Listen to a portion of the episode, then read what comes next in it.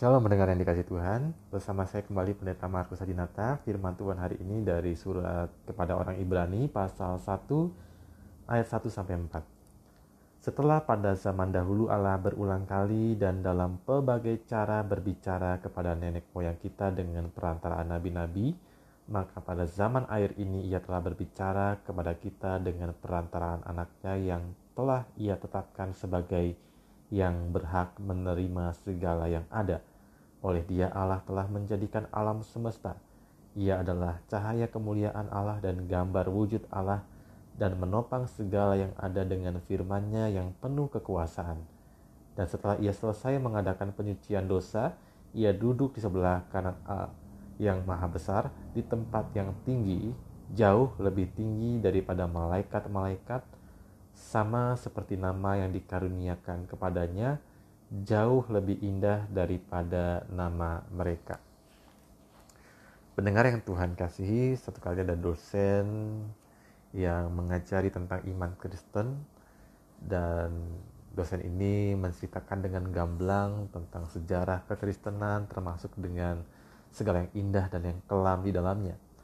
Termasuk juga bagaimana tentang sejarah kekristenan yang juga dia tidak tutup-tutupi bahwa di, di samping yang indah tetapi juga ada hal-hal hal-hal yang yang menyedihkan. Misalnya tentang perang salib tentang bagaimana terjadinya korupsi di dalam di dalam kekristenan dalam gereja perpecahan dan sebagainya.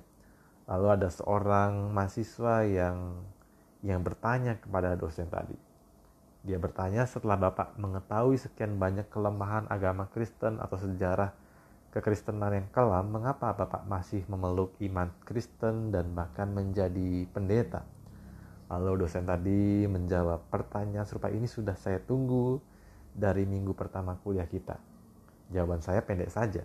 Saya tetap hidup dalam iman Kristen dan iman ini tidak akan saya tukar dengan keyakinan atau gaya hidup yang lain karena tidak ada tempat atau komunitas lain di dunia ini yang membawa saya pada pemahaman bahwa ada satu pribadi yang mengesankan, yang mengubah, yang menggoncang semesta serta hidup pribadi saya. Namanya adalah Yesus. Ia adalah Allah, tetapi juga ia adalah manusia yang mau menjadi sahabat saya dan juga Anda.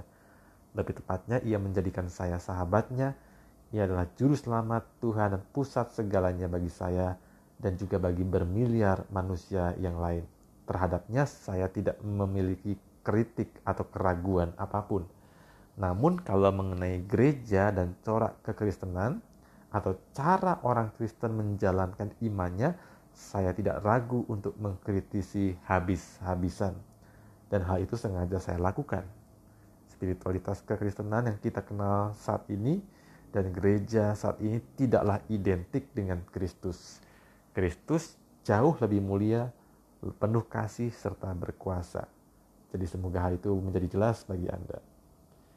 Nah, di sini kita bisa melihat dari percakapan antara mahasiswa dan dosen tadi dan memang kalau kita berbicara tentang agama termasuk Kristen dan sejarah di dalamnya tidak selalu hal-hal yang indah nampak, tetapi kalau kita berbicara tentang Kristus maka tidak ada keraguan terhadapnya dan pusat iman Kristen adalah Kristus atau Yesus.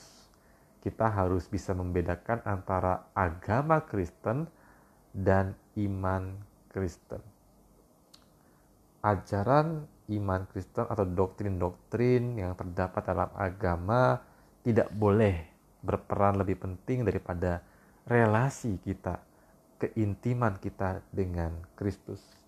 Lalu, apakah ajaran tadi tidak perlu? Oh, perlu ajaran tadi adalah untuk menolong kita bisa memahami Allah yang datang dalam Kristus dengan lebih sistematis.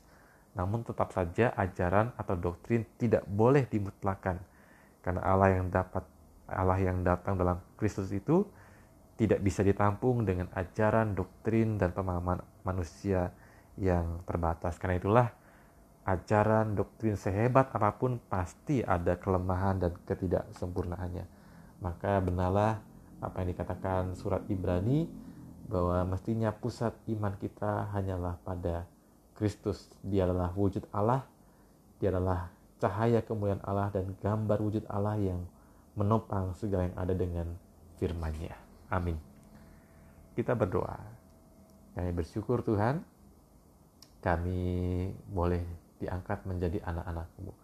Dan kami menyadari bahwa dalam sejarah kekristenan dan termasuk dalam agama Kristen sendiri, selain hal-hal yang baik juga kami harus akui adalah hal-hal yang yang tidak pantas. Namun biarlah ketika itu terjadi, iman kami tidak menjadi goyah atau lemah. Sebaliknya iman kami hanya ada pada Kristus yang adalah Tuhan dan Juru Selamat kami. Bahwa Engkau adalah pusat segala kehidupan kami dan juga bagi ber, berbagai macam orang di tengah-tengah dunia ini. Terima kasih Tuhan. Dalam Kristus kami berdoa. Amin.